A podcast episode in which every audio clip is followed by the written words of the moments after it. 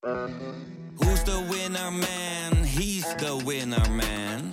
Is hij miljonair? Geen idee, maar nou en. Je hebt geen jackpot nodig to be a winner man. Oh oké, dat is wel lekker man. Je hoort mensen wel eens zeggen dat het boek beter was dan de film, maar wij van Boeken FM streven naar om de podcast beter te laten zijn dan het boek. Wij lezen de klassiekers die je nog niet gelezen hebt. We lezen de boeken die je heel graag wil lezen, maar waar je eigenlijk voor schaamt om in het publiek mee gezien te worden. We lezen de Libris-winnaars. eh, we praten over de Nobelprijslariaten. Allemaal zoals je een etentje hebt, dat je moeiteloos mee kan praten en dat het lijkt alsof je helemaal belezen bent. Wij zijn Ellen, Joost en Charlotte van Boeken FM en je kunt ons luisteren in je favoriete podcast-app.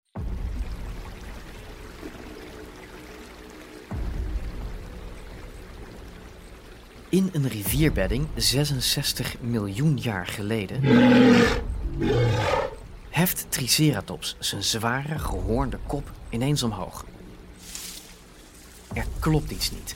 Hij heeft een geur opgevangen die hij goed kent. En inderdaad doemt achter hem langzaam zijn vijand op.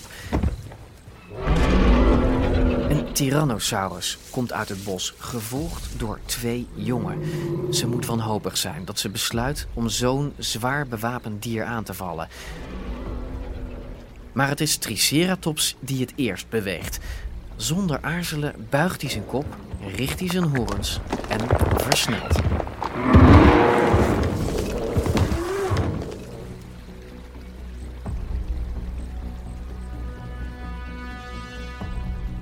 Dit is het beeld hè, dat je overal tegenkomt. Het klassieke duel tussen Tyrannosaurus en zijn gepantserde tegenstander Triceratops.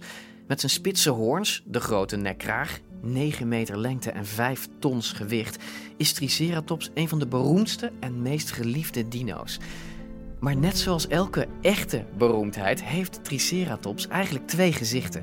Aan de ene kant is er het beeld van de angstaanjagende en zwaar bewapende vechtmachine. This bulldozer is built for a direct frontal attack. The most dangerous dinosaur, probably the most dangerous animal ever to have evolved on land. Heavily armed and heavily armored and can kill you. Nou, was Triceratops echt, zoals ze hier dus zeggen, het gevaarlijkste dier dat ooit op aarde rondliep? En was hij gebouwd om te doden? Want aan de andere kant verschijnt hij als een goedaardige, sullige lobbes in alle kinderboeken en cartoonseries. What do I have these horns for? These horns protect us. Even the big carnivores are scared of them. That's right. And later, your friends will appreciate your kind heart. Are you sure? Hmm, Of course. Nou, en als Triceratops al geweld gebruikt, ja, dan is hij de vriendelijke verjager van T-Rex en andere vleesetende dino's. Wow, the brave Triceratops stood up to the Velociraptors. Don't you ever come back, or you'll be sorry. Drie hoorns en dus twee gezichten. Wat klopt er nou van ons beeld van Triceratops? Maarten en ik die komen er zelf in elk geval niet helemaal uit. Maarten, hier, hier zitten we weer, aflevering 2. En we, we gaan het hebben over een van de bekendste en meest populaire eh, dinosauriërs ooit. Je hoort misschien aan mijn stem dat ik er blij van ben, want dit is echt mijn lievelingsdinosaurus. Triceratops, of zoals jij altijd zegt, Triceratops. Ja, ik zeg Triceratops. Laten we dit Dat consequent zei je vroeger, ja, dat is gewoon de klemtoon in het Nederlands. En we weten niet eh, hoe ze zichzelf zouden hebben genoemd als ze, er, als ze erbij hadden kunnen zijn. Dit wordt echt een hele lange aflevering. Maar goed, Ehm, het, het, het Triceratops is echt een van de ultieme good guys. vind ik. ik vind het ook wel interessant dat je dus in, in de dinosauruswereld een verschil hebt gemaakt tussen good guys en bad guys. Alsof het een soort western is. Waarbij je, waarbij je de Clint Eastwood onder de dinosauriërs over de heuvel ziet komen op zijn paard. En dan See, in this world, there's two kinds of people, my friend. Those with loaded guns, and those who dig. You dig. weet je dat alles in orde zal Maar komen. dit is het beeld wat de afgelopen decennia bij ons, bij het publiek is neergezet. En ik vraag me dus echt af, is Triceratops, wie is, het, wie is Triceratops? Is het Badr Hari of is het Rico Verhoeven? Is het Max Verstappen of is het Hamilton? Is het, is het Frank of Ronald de Boer? Wie, wat is het echte gezicht van Triceratops? Ah, ja, ik denk toch dat, dat we hier te maken hebben met, met geheel niet terechte projectie van eigen sentimenten in een dier wat eh, minimaal eh, 90 miljoen jaar geleden heeft geleefd of zoiets dergelijks. En zal- waarvan we geen flauw idee hebben wat het voor sentimenten had. Kijk, al die, die, alle dieren hebben een, een aantal basale sentimenten. Ze planten zich voort en ze moeten eten. Dus je moet je al afvragen, was het een planteneter of was het een rover? Ja, nou, we weten dat het een planteneter Nou, is. dan Dat weet je zeker dat, het, dat, het een, dat hij niet een temperament had om er eens lekker achteraan te gaan en intimidatie. Hoewel, we hebben ook die, die, ik weet niet of je ooit die fameuze scènes hebt gezien van zo'n zo'n leeuw of een groep van leeuwen die, die zo'n groep buffels aanvalt. En smadelijk eh, de aftocht moet blazen. Het is ze niet gelukt. Ja, ze winnen het niet altijd. Nee, ze winnen het lang niet altijd. Dus ja. wie, wie weet was die Triceratops, kon die ook zijn mannetje staan Nou ja. of zijn vrouwtje staan. De belangrijkste vraag die ik heb is, is eh, eh, hoe agressief was hij? Maar ook hoe sterk was zijn, waren zijn wapens? Zijn schild, zijn, zijn horens. Liep het wat als ze aan werden gevallen door, door grote predatoren? Dat weten we eigenlijk ook allemaal niet. We weten natuurlijk eigenlijk van het dagelijks bestaan van die beesten bar weinig. Ja. Nou ja, ook omdat er dus, maar dat gaan we zo horen, omdat er heel weinig zijn opgegraven. En jij zei me net dat je een hele belangrijke vraag had. Ah, hoe ze smaakten. Ja. Omdat je natuurlijk, als het kuddedieren zijn die gras aten, dan wil je wel weten, zouden ze een beetje spierweefsel hebben? En nou ja, dat zou voor mij bijvoorbeeld een interessante vraag zijn. Verschilt het spierweefsel van zo'n triceratops, verschilt dat nou van het spierweefsel van een buffel op de Afrikaanse savanne? Nou, wat gaan we doen? Nederland is marktleider op het gebied van eh triceratops eh, onderzoek en opgave. Wij, wij hebben die beesten de afgelopen tien jaar, hebben wij, Nederlandse teams, hebben die eh, massaal opgegraven. En Dus waar zijn die opgegraven? die zijn opgegraven natuurlijk in Noord-Amerika, waar ze Ook waren, alweer. in Wyoming. Daar komen ze van. Oh, deze zijn in Wyoming. Ja, daar kun je ook nog lekker graven. Hè? Dat, We gaan nu naar Naturalis, waar we samen met paleontoloog Anne Schulp, daar is hij weer, een zelf opgegraven triceratops in de gaan kijken. Weet je nog hoe die heet, Maarten? ja, dat was Dirk Ja. toch? Ja, ik moet Dirk. zeggen, een hele ongelukkige naam. We gaan naar Dirk. Dit is DinoCast. We nemen je mee naar miljoenen jaren geleden, toen de aarde trilde onder de voeten van Triceratops, Stegosaurus, grote langnekken, Tyrannosaurus rex. En resten ontdekt van de grootste dinosaurus. De dino die ze vonden is veel specialer dan ze dachten. More than 20 different dinosaur tracks. Elke week worden er nieuwe dino's opgegraven en de ene ontdekking volgt de andere op. Over veren, de kleur van huid, zelfs over het leefgedrag is het beeld wat je had niet meer geldig. Het is tijd voor een nieuwe kennismaking met oude vrienden. In de podcast voor iedereen die vroeger al van dino's hield en nu nog steeds een beetje. Welkom bij DinoCast.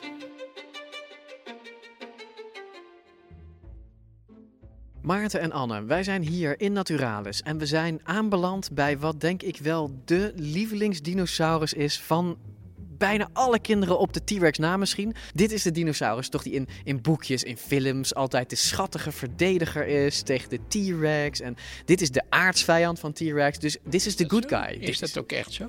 Hebben ze, hebben ze gelijktijdig geleefd? Ja, dit is een tijdgenoot van Tyrannosaurus rex. En eh, deze stond eh, zeker ook op het eh, menu van die grote vleeseter. Dit is een uh, planteneter. eh, en de allergrootste werd een meter of acht of negen. eh, met eh, twee zeer vervaarlijke horens en nog een derde horentje op de neus. En eh, ja, die grote kam eh, erachter. En eh, ja, dit is het eerste skelet eh, van een hele groep triceratopsen die we de afgelopen jaren eh, in, in Wyoming hebben Deze hebben jullie zelf gevonden. Ja, ja, opgegraven. Ook in Wyoming. ook in Wyoming. Deze heeft Anne dus hoogstpersoonlijk opgegraven. Nou, vooral eh, de, een, van onze, een van onze vaste vrijwilligers die er niet weg te slaan was, dat was, was Dirk. Eh, en eh, uiteindelijk is dit beest ook met de bijnaam Dirk eh, er vandoor gegaan. Want Nou, hadden- Dirk, daar heb ik ja, wel vrede mee als die zo heet. ja, Past er wel bij, ja, hè? Deze Triceratops Dirk, ja, die leefde ook aan het einde van het dinotijdperk. Ehm, gevonden hier in ehm, wat we dan de Lance Formation noemen. Een gesteentepakket dat nogal bekend staat om de mooi bewaard gebleven dinosauriërs. En wat dan heel bijzonder is, eh, ja, meestal vind je eigenlijk alleen maar de schedel terug uh, van Triceratops. We kennen echt tientallen schedels in, van Triceratops in verschillende musea.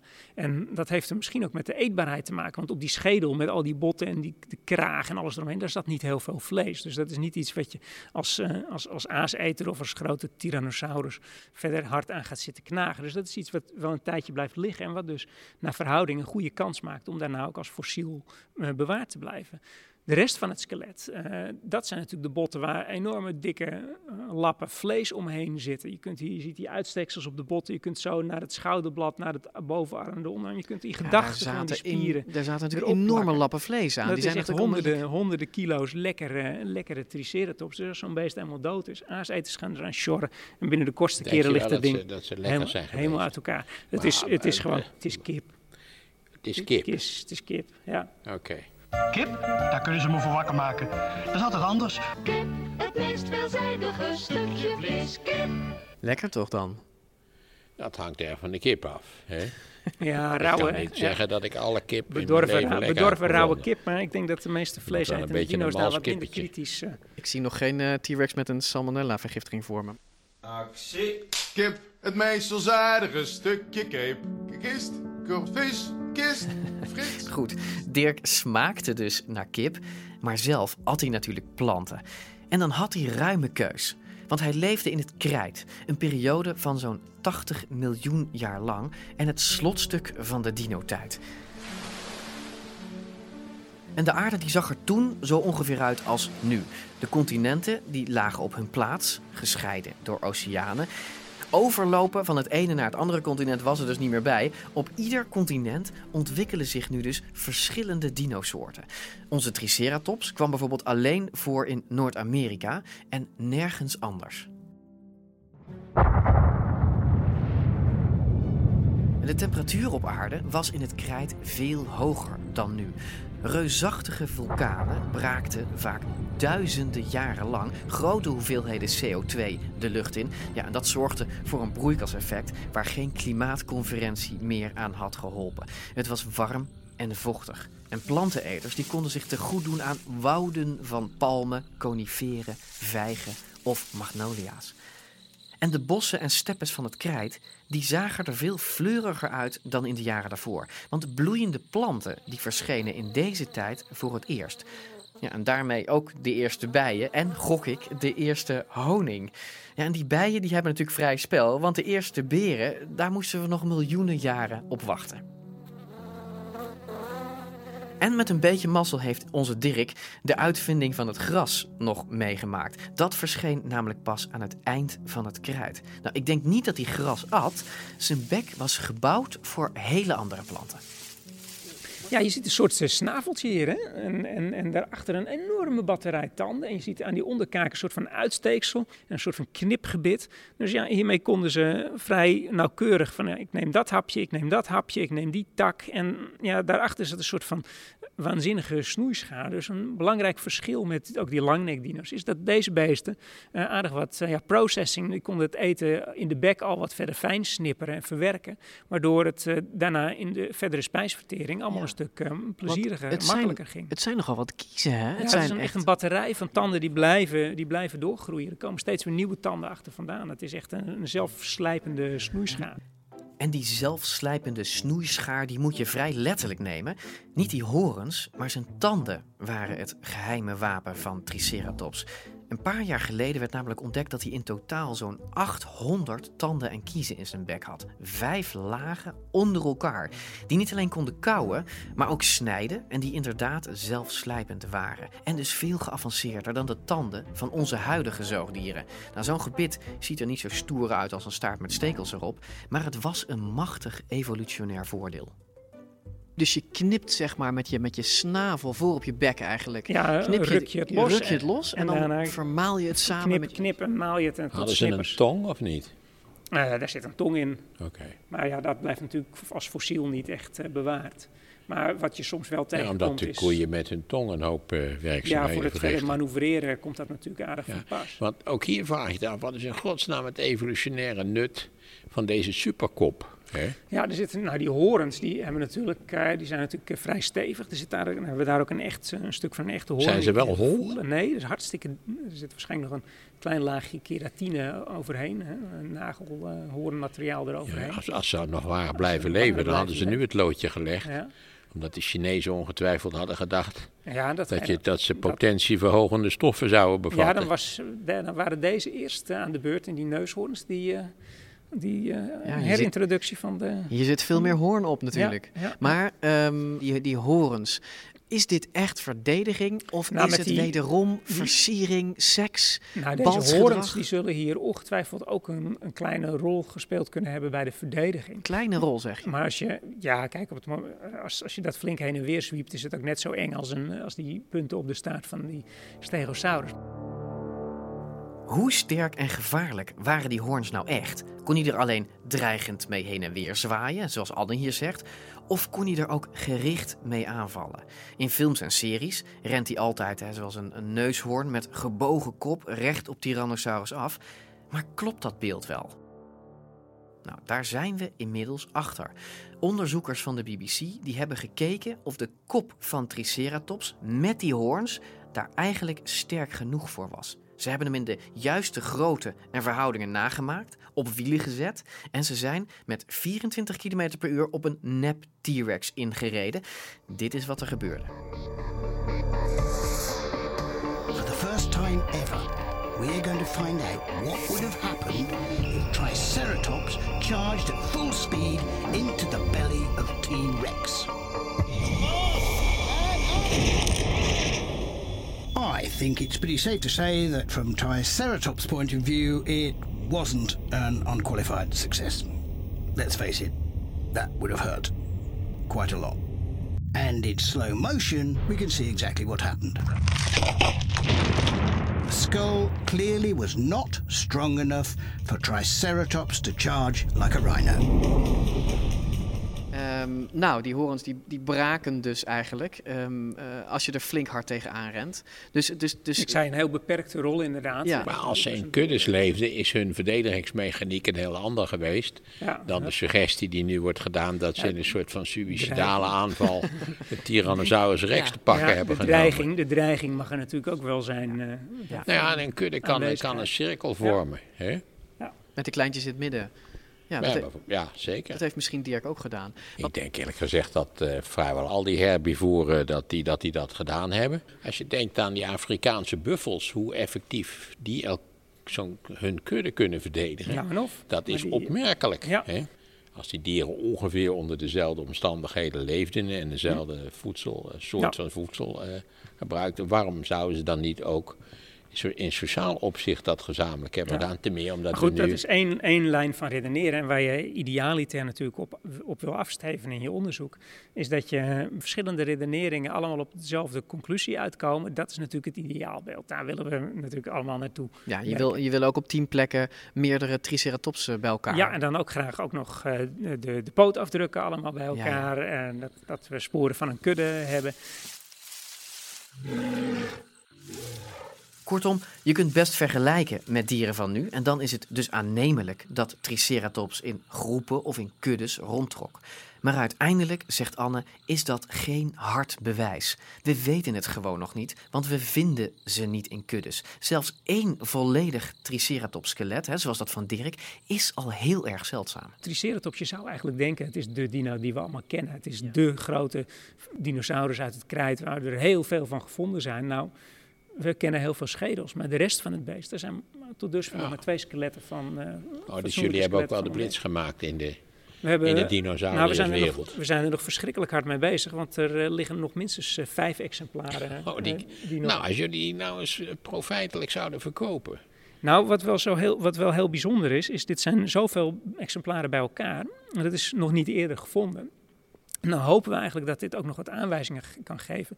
Ehm, zou het kunnen dat dit ook inderdaad een kudde was? Dat ze bij elkaar leefden, dat dit kuddegedrag is?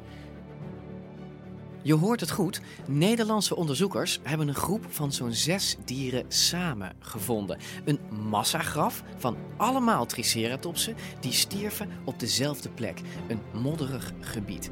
Een unieke vondst en helemaal als je beseft hoe weinig het sowieso voorkomt dat de botten van een dinosaurus verstenen en een fossiel worden. Dat gebeurt al bijna nooit. Zijn ze allemaal in die modder vast komen te zitten? Of zijn, ze, zijn er een paar verzopen toen de grote kudde van 300 stuks eh, de, de andere 295 wel eh, veilig zijn overgestoken? Of zijn het meerdere exemplaren die op heel verschillende tijdstippen dood zijn Ja, misschien gegaan? moeten en we de- aan de luisteraars duidelijk maken dat wil iets bewaard blijven in, in, in steen of sediment, dat, dat het heel, onder heel specifieke omstandigheden dood moet gaan. Je moet het geluk hebben dat het vrij snel na de dood eh, wordt toegedekt Ja, door dus, eh, modder daarom, omdat, jij zei modderstroom, dacht ik meteen, kijk, dat is het, een modderstroom. Ja. Want dan moet ook, kijk, zuurstof moet ook geen kans krijgen. En- Nee, of heel beperkt in ieder geval. En vooral ook aaseters. Je moet, eh, de modder moet voor de aaseters aan de slag. En de aaseters die zijn er doorgaans vrij snel. Dat, eh, Dus het lichaam, het lijk, wordt eigenlijk vrij snel bedekt met bijvoorbeeld modder of een aardverschuiving. Daar kan er dus geen zuurstof bij. En wat gebeurt er dan? Want uiteindelijk, dit is geen bot, hè? dit is steen. Het is eh, voor een deel nog de oorspronkelijke mineralen. En dat wordt eh, echt helemaal afhankelijk van de verdere avonturen van die ondergrond meegenomen in het kookboek van, eh, van een fossiel maken. En afhankelijk van de combinatie van grondwaterstroming, de zuurtegraad, de werking van bacteriën, de hoeveelheid zuurstof, het vervolg van de temperatuur, hoe diep het wordt samengedrukt, begraven. Dat zijn dat zijn allemaal allemaal factoren die meetellen in hoe het fossiel uiteindelijk bewaard blijft. En dat kan alles worden van totaal platgedrukt en helemaal naar de galamiezen tot perfecte 3D-bewaring waar de botten er totaal onvervormd uitkomen. Maar er zijn kennelijk locaties in de wereld. Die zich Zo, in uitstekend- China, waar, Ja. wat ik hoor steeds Wyoming of Ja. die, die, laten we zeggen, de Dakota's en zo. Waar zich kennelijk deze omstandigheden met enige regelmaat en grootschalig hebben voorgedaan. Want wil die hele kudde onder de modder raken, dat moet wel een pittige beweging zijn Je hebt daar de situatie dat eh, je had daar de Western Interior Seaway. Dat was een zee die Noord-Amerika van noord tot zuid in tweeën deelde aan het einde van het dino-tijdperk. En tegelijkertijd had je verder naar het westen toe dat er het, eh, de Rocky Mountains verder omhoog kwamen. En als zo'n gebergte door die beweging in de aardkorst omhoog komt, dan heb je natuurlijk een hoogteverschil en daarmee dus ook de aanvoer van sediment. En in die vlaktes aan de oever van die Western Interior Seaway, dat is waar deze beesten leefden. En dat is waar als ze een keer het loodje legden, er ook een kans was dat ze toegedekt raakten door die Ja, rivieren. dat er een modderstroom geweest is, dat kan natuurlijk heel goed. Ja, en dat heb je met enige regelmaat. Dus, eh, Hoe oud werden deze beesten? dat zijn we nu aan het uitzoeken, want er is op het eh, vlak van weten deze we niet helemaal zeker. dinosaurus eigenlijk nog helemaal niks. eh, er is eigenlijk heel weinig over bekend. En met name van deze groep van Triceratops en de nauw verwante beesten is nog eigenlijk heel weinig gedaan. En eh, mijn promovendus Jimmy de Roy is nu dus bezig om dat heel nauwkeurig met deze beesten in kaart te brengen. Ja, we moeten voor onze verdere vragen dus bij Jimmy de Roy zijn, zegt Anne. Ja, Anne weet veel van allerlei dinosauriërs. Maar voor Jimmy, een grote bos zwarte krullen, 25 jaar oud, is Triceratops een ware obsessie geworden. Dat merk ik gelijk als ik bij hem langs ga. Een fijne obsessie, dat wel. En als er iemand dus weet hoe je, hoe je de naam van dit dier uitspreekt, dan is het Jimmy wel. Zeg ik trouwens Triceratops of Triceratops? Ja, hele goede vraag. Eh, die krijgen wij heel vaak. En we zeggen heel vaak dat het alle twee kan. Ehm, officieel is het Triceratops, want je moet helemaal terugdenken aan het Latijnse woord. Maar als je naar Amerika gaat, dan zul je horen dat ze Triceratops zeggen. Eh, dus Triceratops. En dat is, ja, Amerika is natuurlijk wel waar die beesten vandaan komen. Eh, dus wij, ik, ik zelf hou heel vaak Triceratops aan. Eh, maar Triceratops mag ook. Triceratops. Ja. Ik doe ook Klinkt stoer beter, en ik we hebben het over... Ik vind dat ook beter, Ja, Triceratops. Al vijf jaar lang focust Jimmy de Roy zich op Triceratops. Hij groef de dieren op in de Verenigde Staten. Hij zette de botten van Dirk in elkaar hier in het lab van Naturalis. En daarmee is hij de Triceratops-expert in ons land. En hij heeft antwoorden op al onze verdere vragen. Maar eerst moet hem even iets van het hart. Dat sprookje dat Triceratops altijd maar aan het vechten was met zijn aardsvijand de T-Rex. Ik, ik, ik denk dat het een beetje een, een, een cliché eigenlijk is. Dus je ziet inderdaad heel vaak in plaatjes en vooral ook in kinderboeken... hè, dat T-Rex en Triceratops worden altijd tegenover elkaar gezet. Maar eh, er waren nog zoveel andere dinosaurussen in het late krijt van Noord-Amerika. Denk aan de Hadrosaurus, de eendenbekdino's. Um, en eigenlijk als ik kijk hoe, hoe ze eruit zien, denk ik dat Triceratops wellicht het minst favoriete snackje van de T-Rex was geweest. Het, het, beest zit vol met hoorns en met stekels Ja. en een enorme nekschil. Dat, daar wil je niet tegenover staan. Dus als ik een T-Rex was, ga ik achter gewoon een hele simpele eendenbek-dinosaurier. Een Edmontosaurus of een Hadrosaurus. Precies, Een, plant, precies. een suffe planteneter. Klopt, dat, dat kan zich toch niet verdedigen, denk je dan. En ja, een Triceratops, dat, ik hoef niet tegen die hoorns aan te lopen. En Jimmy heeft ook een punt als je naar het lijf van beide dieren kijkt. Tyrannosaurus kon wel 6 meter hoog worden. Dat is tweemaal zo hoog als Triceratops. Maar des te opvallender is het dan dat beide beesten bijna even zwaar waren. Je duwde Triceratops dus niet zo simpel opzij. Nou, het zal dus niet zijn favoriete snack zijn geweest. Natuurlijk werd er door Tyrannosaurus wel op Triceratops gejaagd. En sinds kort weten we dat zelfs bijna zeker. Want de twee aardsrivalen zijn nu ook samen gevonden. In elkaar verstrengeld, verrast door de dood in wat lijkt op een duel. Just recently, two nearly complete skeletons were found in Montana that happen to be dated at 67 million years old. The fossils are called dueling dinosaurs and feature a Tyrannosaurus rex and a Triceratops in what looks like a final death match. The Rex happened to have one of its fingers broken, most of its teeth busted, and a cracked skull, while the Trike died with its opponent's teeth embedded in its spine. If this isn't pretty obvious evidence that the dinosaurs frequently did battle, I don't know what could possibly be any clearer. Nou, het is dus nog niet zeker of ze in gevecht waren. Maar die tanden van T-Rex die zullen niet helemaal toevallig in de ruggengraat van Triceratops beland zijn, lijkt me zo. De twee die hebben inmiddels een eigen website gekregen. We zetten de link op dinocast.nl. En er is nog een belangrijk verschil in lichaamsbouw. Vleeseters als T-Rex die staan vaak hoog en rank op hun poten. Ze zijn gemaakt voor een snelle aanval. Triceratops niet. Als je naar zijn poten, spieren en zijn lichaamsbouw kijkt, dan lijkt alles eigenlijk gericht op één ding. Eh, die enorme kop, die is buitenproportioneel groot. Volgens mij is die kop een derde van die hele Triceratops. Je ziet niet veel dieren met zo'n grote kop. Nee, precies. Dus je zegt het al heel goed inderdaad. Eh Triceratops en eigenlijk heel veel gehoorde dino's hebben relatief de grootste kop gehad van alle bestaande ja, landdieren, zeg maar. Als je het vergelijkt met mensen, eh, moet je je voorstellen dat wij ons hoofd twee derde of een derde van ons hele lichaam zou zijn. Dan heb je een heel groot hoofd. Ja. Eh, gelukkig niet. Eh, maar Triceratops had dat dus wel. Maar dat ging dus, want ze hebben natuurlijk gewoon... Ze zijn geëvalueerd, ze hebben, ze hebben succesvol geleefd. Ja. Dus je moest, je, moest, eh, je moest die kop gewoon kunnen dragen. Ja, en dat konden ze heel goed inderdaad. En daar zijn ze heel erg op aangepast. En dat zien we ook aan, het, aan de fossielen die we vinden. Bij schedels van Triceratops en ook bij onze completere skeletten vind je fossiele pezen. Dus pezen die dan echt in de nek liggen, echt versteende pezen. Eh, en het feit dat die pezen dus zo hard zijn en dat ze konden fossiliseren, betekent dat ze in het leven ook al bijna bot waren. Dus hè, als je kijkt naar hele oudere mensen, die eh, hebben dat eigenlijk hetzelfde ook. Die verstenen ook een beetje hun pezen, waardoor ze dus minder flexibel worden. Ja, ja. Triceratops doet dat ook, maar expres al vroeg in hun leven. Dus zelfs bij jongere Triceratops en jongere gewone dino's en ook heel veel andere dinosauriërs zien we gewoon een heel erg gespierde nek. Eh, om dus zo'n enorm zware kop ook overeind te kunnen houden. Anders hingen ze de hele tijd met een kop naar beneden. Ja, dat zal niet evolutionair ook niet handig Nee, zijn. dan was het al snel afgelopen, zeg maar. Ja, en nu we het over die kop hebben. eh, We hebben het er al met Anne en Maarten over gehad, maar ik wil toch nog iets meer weten over die hoorns. Ermee aanvallen was dus niet zo'n goed idee, maar, zegt Jimmy, er werd wel mee gevochten. Eh, vroeger en nog steeds eigenlijk denken we wel dat die hoorns en het schild een verdedigende functie hebben gehad. Eh, en dan niet zozeer echt actieve verdediging, dus dat die er dan mee aanvallen, maar het schrikt gewoon af. Dus we zien ook bijvoorbeeld bij heel veel huidige hagedissen, die zitten ook vol met stekels, maar die zijn niet per se scherp. Eh, dat, dat, dat, daar wil je gewoon niet in bijten, dus dat laat je met rust. Ehm, was het wel aannemelijk dat ze die hoorns gebruikten in gevechten met elkaar, om mannetjes bijvoorbeeld, om elkaar te imponeren, wat je nu bijvoorbeeld ook bij, bij herten ziet?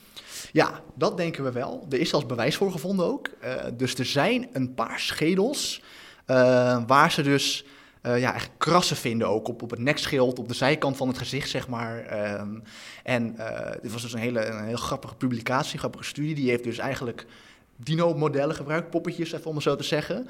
En om te kijken hoe die hoorns konden interlocken, zeg maar, hoe die in elkaar konden steken. Uh, en er waren wat aannemelijke scenario's dat ze een beetje aan het, ja, aan, aan het sparren waren, zeg maar, aan het schermen met elkaar. Um, en ik, ik, ik, zie dat ook gebeuren, inderdaad. Uh, het lijkt me aannemelijk. we zien het bij herten en bij verschillende schaapachtigen zien we dat ook gebeuren. Ja, en dan is er nog de kam, hè, of beter, die enorme benen-nekkraag die iedere Triceratops-achtige heeft. Ja, dit is het, het harnas, de, de helm die Triceratops beschermt tegen de aanvallen van vleeseters. Ondoordringbaar en onoverwinnelijk. Nou, dat denk je tenminste als je deze paleontologen erover hoort uh, zwijmelen. Triceratops had this wonderful protective thing on the front of its head. It's got a frill that protects its neck, one of the most vulnerable places on the, on the animal. The bone over the neck is that thick. It's in several layers, almost impossible to bite through. The frill is solid bone, six times thicker than a human skull. This frill forms an almost impenetrable shield, one able to repel the most powerful jaws the Earth has ever known. Ja, dit panzer kon dus de meest krachtige beten weerstaan. Het klinkt te mooi om waar te zijn en dat is het dus ook. Want er klopt helemaal niets van, weten we inmiddels. Voor een T-Rex was het nekschild van een Triceratops als een soort, als een soort kroephoek, als een soort crunch bij zijn kipfilet.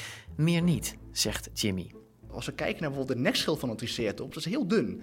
En uh, ik denk dat een beetje bijtkracht van een T-Rex daar heel makkelijk doorheen gaat. Dus voor verdediging heb je er eigenlijk vrij weinig aan. Um, en eigenlijk waar we nu steeds meer naar hinten, meer over nadenken, is dat het te maken heeft, dat, dat ja, die, die hoorns en dat schild, dat die een functie hebben bij, uh, bij de voortplanting, bij uh, seksuele selectie. Dus hè, het imponeren van het mannetje op het vrouwtje. Dus uh, hoe mooier en hoe groter je stekels en je nekschild was, hoe meer kans je hebt op een partner. Ja, dat denken we wel. Uh, dus het kan heel aannemelijk zijn dat dat schild bijvoorbeeld, dat daar vlekken heeft op gezeten, verschillende kleuren. Hè, denk aan de staart van een pauw, een beetje dat soort patronen. Uh, en dat wordt eigenlijk alleen maar versterkt als we kijken naar andere gehoorde dino's. Hè. Dus we hebben het over Triceratops nu natuurlijk. Uh, maar uh, de gehoorde dino's waren eigenlijk een van de meest soortenrijke groepen dinosauriërs. Wat voor een andere gehoorde dino's heb je, dan, heb je het dan over? Styracosaurus? Kijk eens, ja, bijvoorbeeld. Dus dat is één, ook een van de vele. Dus Styracosaurus die wordt gekenmerkt door nog grotere stekels, maar die zitten op het nekschild en niet, uh, niet boven de ogen, zeg maar. Um, maar ik weet bijvoorbeeld ook een Einiosaurus. Um, en die, uh, het is een heel grappig beestje, want die heeft een, een neushoorntje, zoals een Triceratops eigenlijk. Maar die steekt naar voren toe, bijna naar beneden.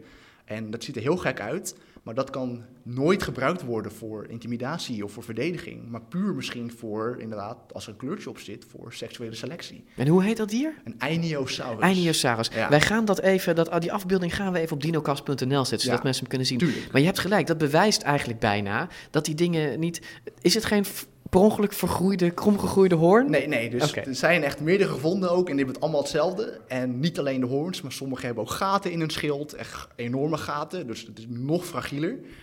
Um, en ja, dat, dat, dat kan gewoon geen verdediging zijn. Je zegt felle kleuren op, die, op die schilden. Val je daardoor niet extra op? Is het, moet die niet gecamoufleerd zijn?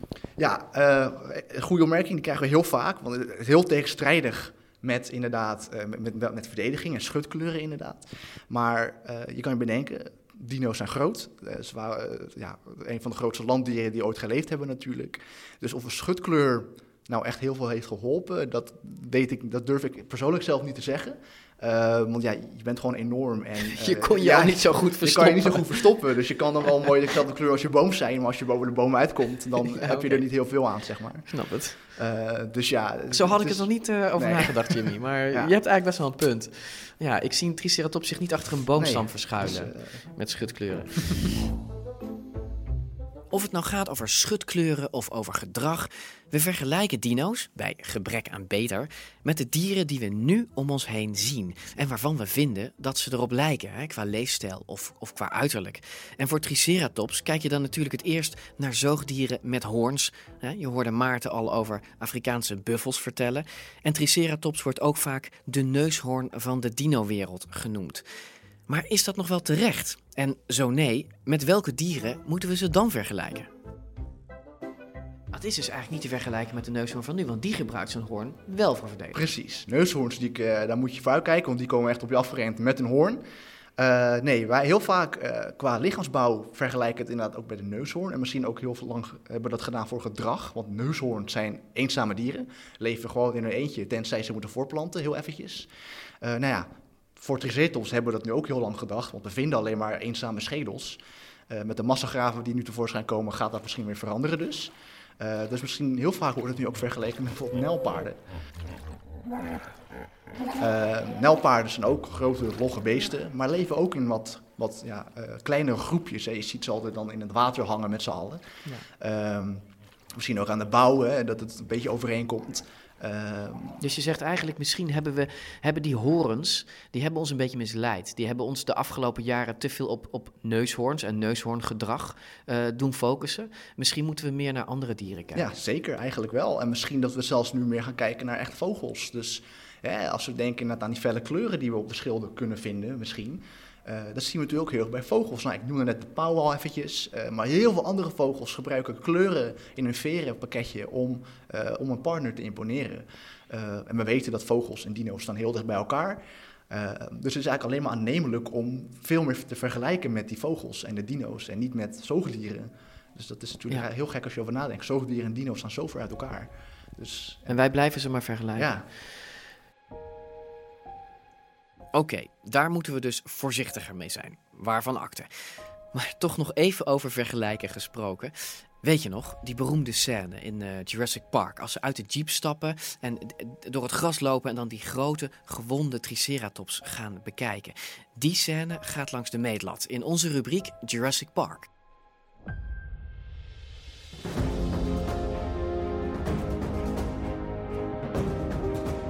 Jurassic Park wekt de dinosauriërs tot leven. En het zijn deze dieren die ons in het geheugen staan gegrift. Hoe ze bewegen, hoe ze lopen, hoe ze eruit zien. Maar klopt dat nog wel? Wat klopt er bijvoorbeeld van Triceratops?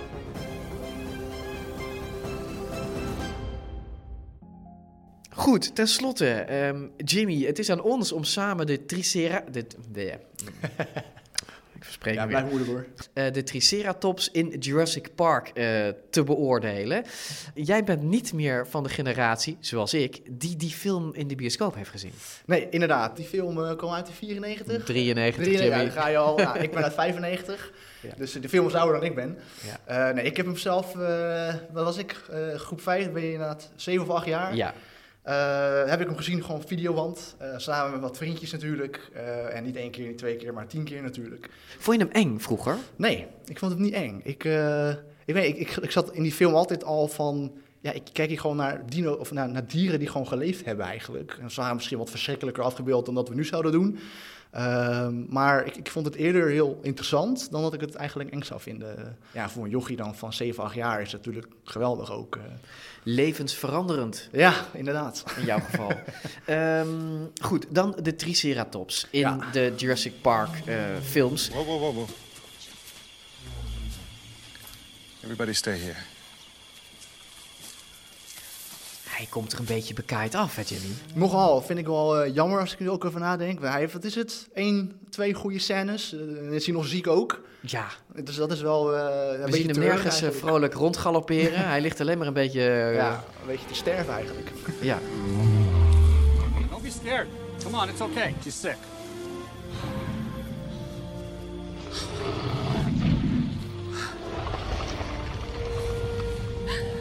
What are her symptoms? Imbalance, disorientation, labored breathing. It seems to happen about every six weeks or so. Six weeks. Ja, is een prachtige scène, hè? Ja, ik vond het een hele leuke scène. Wat, wat ik eigenlijk zo leuk aan vind, is dat je hier ook heel goed ziet uh, dat ook deze dinosauriërs ook gewoon dieren waren. Uh, en, de T-Rex die wordt hier in de film eigenlijk een beetje afgebeeld als echt het monster, samen met de raptors. Daar moeten ze altijd maar voor vluchten. Maar ja, dieren die worden ziek, die eten verkeerde dingen, die, uh, die gaan aan de scheid. En dat zien we bij dit beestje nu ook in terug. There's only one way to be positive. I'd have to see the dinosaurs dropping. Dino dropping? Dus je zag eigenlijk Triceratops als een dier in plaats van als een monster Ja. liggen. En ehm, als je kijkt naar hoe ze die Triceratops gemaakt hebben in die film. Als kind snap ik dat hij indruk maakt, eh, dat hij er mooi uitziet. Maar met je kritische ogen van nu, hoe kijk jij nu naar de Triceratops? Ja, we zien wel dat er eh, wat verkeerde dingen zijn afgebeeld. Ehm, en eh, met name stukjes van de schedel van de Triceratops die we daar in Jurassic Park zien. Want als we kijken naar de, de schil van het beest, natuurlijk een heel imposant ding is dat. Eh, maar daar vinden we, eh, daar zie je in Jurassic Park van die hele mooie driehoekjes op zitten. Nou, heel moeilijk woord noemen we dat epicipitels. Dus eh, dat kan je ook weer vergeten. Ja, een soort knobbeltjes op dat schild, hè? Ja, precies. Dus echt van die, van die driehoekjes noemen we het meestal op het schild. Ehm, die hebben ze wel, maar heel vaak pas in, in een wat vroeger stadium van het leven. Dus hè, als we teruggaan naar seksuele selectie, eh, we zien dat uh, triceratopsen, die ontwikkelen dus die, die, die stekeltjes op het schild en ook de hoorns. Wanneer ze dus inderdaad eh, in, in, in, eh, pubers worden, wanneer ze dus seksueel actief worden. Eh, want dat draagt waarschijnlijk dus bij ook aan het indruk maken, die, die stekeltjes, of bij het vrouwtje en of het mannetje. Maar dan zie je dus bij wel wat kleinere individuen die dus nog ook aan het groeien zijn.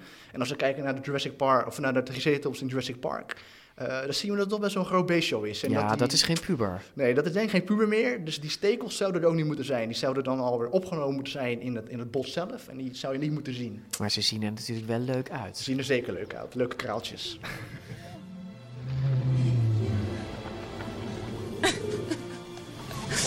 God, Ellie, she was always my favorite when I was a kid. Now I see she's the most beautiful thing I ever saw. En dan de hoorn op de neus, flinke hoorn. Ja, het is best wel een hele grote hoorn inderdaad. Um, en dat is misschien goed, maar ook fout. Er zijn twee soorten bekend. En het leuke is, die worden dus gekenmerkt door uh, of een grote neushoorn of een kleine neushoorn. Dus ja, misschien heeft Spielberg wel gekozen voor degene met de grote hoorn. Nou ja, dat is dan correct in dat geval. Maar over het algemeen, als we gewoon naar Triceratops schedels kijken, zien we dat ze wel relatief kleine neushoorntjes hebben. Want ze hebben meer hun kracht in de wenkbrauwhoorn zitten eigenlijk. Ja, dus hij is wel aan de grote kant gaan Ja, zitten, ik, zou, ik had hem kleiner gedaan. Ja, precies. um, hij is wel een beetje saai van kleur in, uh, in Jurassic Park. Hij is bruin-oranje-achtig, hè? Ja, precies. Ze zijn nogal saaie kleuren, een beetje bruin, een beetje groen. Um, en ja, of dat nou fout of goed is, dat is natuurlijk moeilijk te zeggen, want kleur, dat, dat fossiliseert niet. En we hebben eigenlijk geen idee hoe de, hoe, ja, hoe, welke kleur een Triceratops had. Uh, Hij kan dus ook hele felle kleuren hebben gehad. Ja, precies. En eigenlijk denk ik zelf dat dat wat aannemelijker is. En dan moet je niet denken aan een lichtgevende kleuren over nee. de hele Triceratops heen. maar meer eh, ook in, in, de, in de trend van seksuele selectie. Als uh, Spielberg gekozen had voor een wat feller schildje, dan had ik dat eigenlijk heel erg leuk gevonden. Ja, maar dit is eigenlijk ook kennis. Deze film is natuurlijk in de jaren negentig gemaakt. Ja. Toen hadden ze deze kennis nog niet, hè? Nee, dus dat hadden ze helemaal niet. Uh, eigenlijk de kennis over kleur en zo, uh, dat is eigenlijk best wel, best wel vers. Er zijn nu een, enkele, een paar enkele fossielen uit China waarbij ze dus uh, melanosomen hebben gevonden. Dus uh, dat geeft bijvoorbeeld je huidskleur en je haarkleur. en daar kunnen ze een beetje inschatten welke, welke, welke gloed een beestje had gehad. Mm -hmm. maar verder blijft het fantaseren en, en, een beetje gokken eigenlijk. Dus dat is ook voor ons geïnteresseerd of het nog steeds zo. Dus we kunnen dit Spielberg niet verwijten, want die kennis die was er toen gewoon. Nee, precies. Hij heeft het goed gedaan. Dat. En dan nog even dit fragment.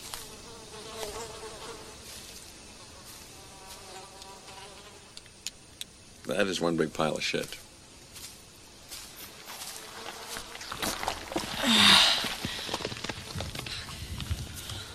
You're right. There's no trace of lilac berries. It's so odd, though. You will remember to wash your hands before you eat anything. Ja, Malcolm staat hier dus bij een stapel Triceratops uh, stront. Die stapel, Jimmy, die is groter dan hemzelf. Hè? Ook groter dan de Triceratops zelf. Ja, het is een beetje groot. En het is geloof ik niet één stapel, maar meerdere eromheen ook. Dus dat is inderdaad echt heel erg veel poep. Uh, en misschien zelfs wel een beetje te veel, denk ik. Uh, als we kijken naar uh, dinosauruspoep is een heel interessant iets. Het wordt ook best wel regelmatig gevonden eigenlijk. Uh, maar het vervelende aan dinosauruspoep is, je weet nooit wie het gemaakt heeft. Um, en um, ja, je kan wel theropodenpoep eruit halen, want vleeseterpoep. want daar vind je nog regelmatig botfragmenten in. Dus dan weet je, die heeft bot gegeten ook. Of het nou expres of per ongeluk was, ja, dat weten we niet. Maar waarschijnlijk door het vlees te eten eet je ook stukjes bot mee. Uh, maar bijvoorbeeld herbivorenpoep, ja, we vinden heel vaak dingen waarvan we denken dat coprolieten zijn. Dat is een ander woord voor dinosauruspoep, fossiele poep. Ehm, maar dat kunnen we gewoon niet toekennen aan een dinosaurus. Eh, of het misschien, misschien is het ineens een dinosaurus, maar... Dus je weet ook niet of Triceratops, want we zien hier een gigantische hoop eh, stront. Ja. Dat, dit zijn geen keutels, dit, Nee. is, dit, dit is gewoon een soort van stapel mest. Nee, inderdaad. We weten helemaal niet of, of, of die echt dit soort poep had gehad. Nee, er is wel wat onderzoek gedaan verder aan eh, de morfologie van coprolieten. En De daarin- vorm. Ja, de vorm inderdaad. Hè, van hoe ziet het er nou eigenlijk uit? En eh, wat je dan ziet in coprolieten is dat ze wel een soort van gelaagdheid hebben. Dus hè, ja, je kan voorstellen, eh, poep en keutels en, en vleien is allemaal een beetje gelaagd altijd. Eh, en als dat zo fossiliseert, dan behoud je dat ook. Ehm, dus dat is ook een kenmerk waarm- waarmee we coprolieten vaak kunnen onderscheiden van stukken steen, stukken ijzer dat we ook in de grond vinden. Ehm, en, eh, maar tot daar en, en niet verder eigenlijk. En eh, wie het gemaakt heeft, ja, dat is heel moeilijk. Ja, maar ik denk die grote hoeveelheid, eh, dat dat toch een beetje overdreven was. Ja, je hoopt maar dat de oppassers dit dus verzameld hebben en bij elkaar hebben. Want anders heeft het beest echt serieuze darmproblemen. Ja, dan moet hij toch, dan leeft hij niet lang meer, denk ik. Precies. Dankjewel, Jimmy. Ja. Oké, Maarten. Ja, met veel dank aan, eh, aan Anne natuurlijk en aan, Jimmy weten we nu al veel meer over Triceratops of Triceratops of Triceratops. Nou, die twee gezichten hè, waar ik aan het begin over sprak, de good guy of de bad guy, eh, laten we eerlijk zijn, daar komen we niet helemaal uit. Maar ik neig zelf nog wel een beetje naar good guy. Hoe dan ook, is het, eh, is het belangrijkste antwoord van de dag, dat is denk ik kipfilet, toch? Ja, het is wel zeer teleurstellend, moet ik zeggen. Kan niet anders zeggen. Jij denkt dat ze anders hebben gesmaakt? Ja, dat denk ik zeker, ja. Omdat het, dat het, eh, kip, onze kippen, die zijn, van die, waarvan de kipfilets gemaakt worden... ja, die zijn volgepompt met hormonen. Die hebben, zitten vol met groeihormonen. Ik weet één ding zeker, dat Triceratops niet vol zat met groeihormonen. Oké, we zullen het nooit weten. Maar als je goed hebt geluisterd, dan is er nog één belangrijke vraag over. Want we praten de hele tijd over die, die unieke vondst eh, van het team van Naturalis in de woestijn van eh, Wyoming. Op, op, eh, op één plek lagen dus Hm. niet één, maar zes of zeven triceratopsen bij elkaar. Nog nooit ergens in de wereld is, is, is zoiets gevonden. Nou ja, dat is natuurlijk opmerkelijk. Want nog opmerkelijker is, als ik het allemaal goed begrepen heb... dat ze er niet op hetzelfde moment om het leven zijn gekomen... Ja. maar dat er een forse periode tussen de verschillende eh, sterfprocessen heeft gezeten. Ja. Daar kijk ik wel van op, ja, want dat begint een beetje een soort rituele plek. Triceratops voelt zich niet lekker en zegt van... nou, ik heb gehoord dat mijn opa de, de drie bochten verder om het leven is gekomen tenslotte... en Ja. daar ga ik maar eens ook heen. Nou ja, er zitten ook geen andere dino's tussen, hè? dus dat is het grappige. Dus je hebt triceratopsen, Ja, dan heb je een paar duizend jaar niks, heb je weer triceratopsen. Ja, dat is heel gek. Dus, Ja, dus want je denkt natuurlijk aan allerlei natuurlijke verschijnselen... waardoor grote dieren plotseling om het leven kunnen komen. Modderstromen, Ja. eh, pyroclastische eh, verschijnselen bij vulkaanuitbarstingen... gas wat uit de bodem op komt borrelen. Je kunt je van alles verzinnen. Maar die enorme tussenpozen, dat is natuurlijk heel gek. Daar weet ik zo gauw geen verklaring voor. Nee, dat, daar gaan we dus verder op in. Want we veranderen de volgende aflevering van eh, DinoCast. Veranderen we in een soort, ja, een soort crime scene investigation. Aha, hè, ja. Naar dit Triceratops massagraf. Dit is natuurlijk een enorm koude zaak, een cold case. Maar kun je na 66 miljoen jaar nog uitvinden wat er gebeurd is? Ja, het team van Naturalis denkt dus van wel. Nou, daar ben ik al heel benieuwd naar wat de resultaten zijn. Ja, we gaan volgende week gaan we daarover praten. Alweer met Jimmy de Roy. Die heeft hier obsessief onderzoek naar gedaan. Hm. Ja, voordat we afsluiten, is dit toch het moment waarop Maarten nog even oproept tot eh, het volgen op social media. Hè? Ja, kijk dus op de social media. Ik zal u zelf niet volgen, maar het schijnt een hele populaire activiteit te zijn. En veel mensen hebben dan ook een unieke gelegenheid om mij weer eens te kwetsen. Eh, met de mededeling dat ik alles op de Wikipedia heb opgezocht. Dat is natuurlijk heel anders bij de meeste twitteraars. Dat zijn mensen die gaan altijd naar het Algemeen Rijksarchief. En dan na maandenlange studie blijken ze namelijk precies uitgevonden te hebben... hoe ze hun politieke tegenstanders kunnen beledigen. Ja, Maar goed, ga kijken. Daar gaat mijn Wie promo. weet. Wie weet ziet u iets leuks. Dus volg ons vooral op Twitter ehm, en op Instagram. En we hopen natuurlijk ook dat je ons een positieve review geeft in, eh, in je podcast-app. Want dat helpt ons weer om meer luisteraars te trekken. En daarover gesproken, heb je vrienden, heb je neefjes, heb je vaders en moeders die ooit van dino's hielden en nu nog een klein beetje van dino's houden. Wijs ze op deze podcast. Kleinkinderen ook. Precies, kleinkinderen, die vergat ik nog. En stel jullie vragen. Je mag ons vragen stellen over elke dinosaurus die je wil. Je mag ze naar ons mailen via dinocast.nl, een formulier op de site. Je mag ze ons via Twitter stellen of via Instagram. Wij zullen die verzamelen. Als wij ze weten, zullen wij ze beantwoorden. Als we ze niet weten, dan zorgen we dat ze bij Anne Schulp of bij Jimmy de Roy of bij andere experts uit het Dinocast-team terechtkomen. Dit was Dinocast. Volgende week dus verder met die cold case van die Triceratopsen. Tot volgende week. Ik ben nou wel benieuwd hoe, wat, hoe zij dat gaan verklaren.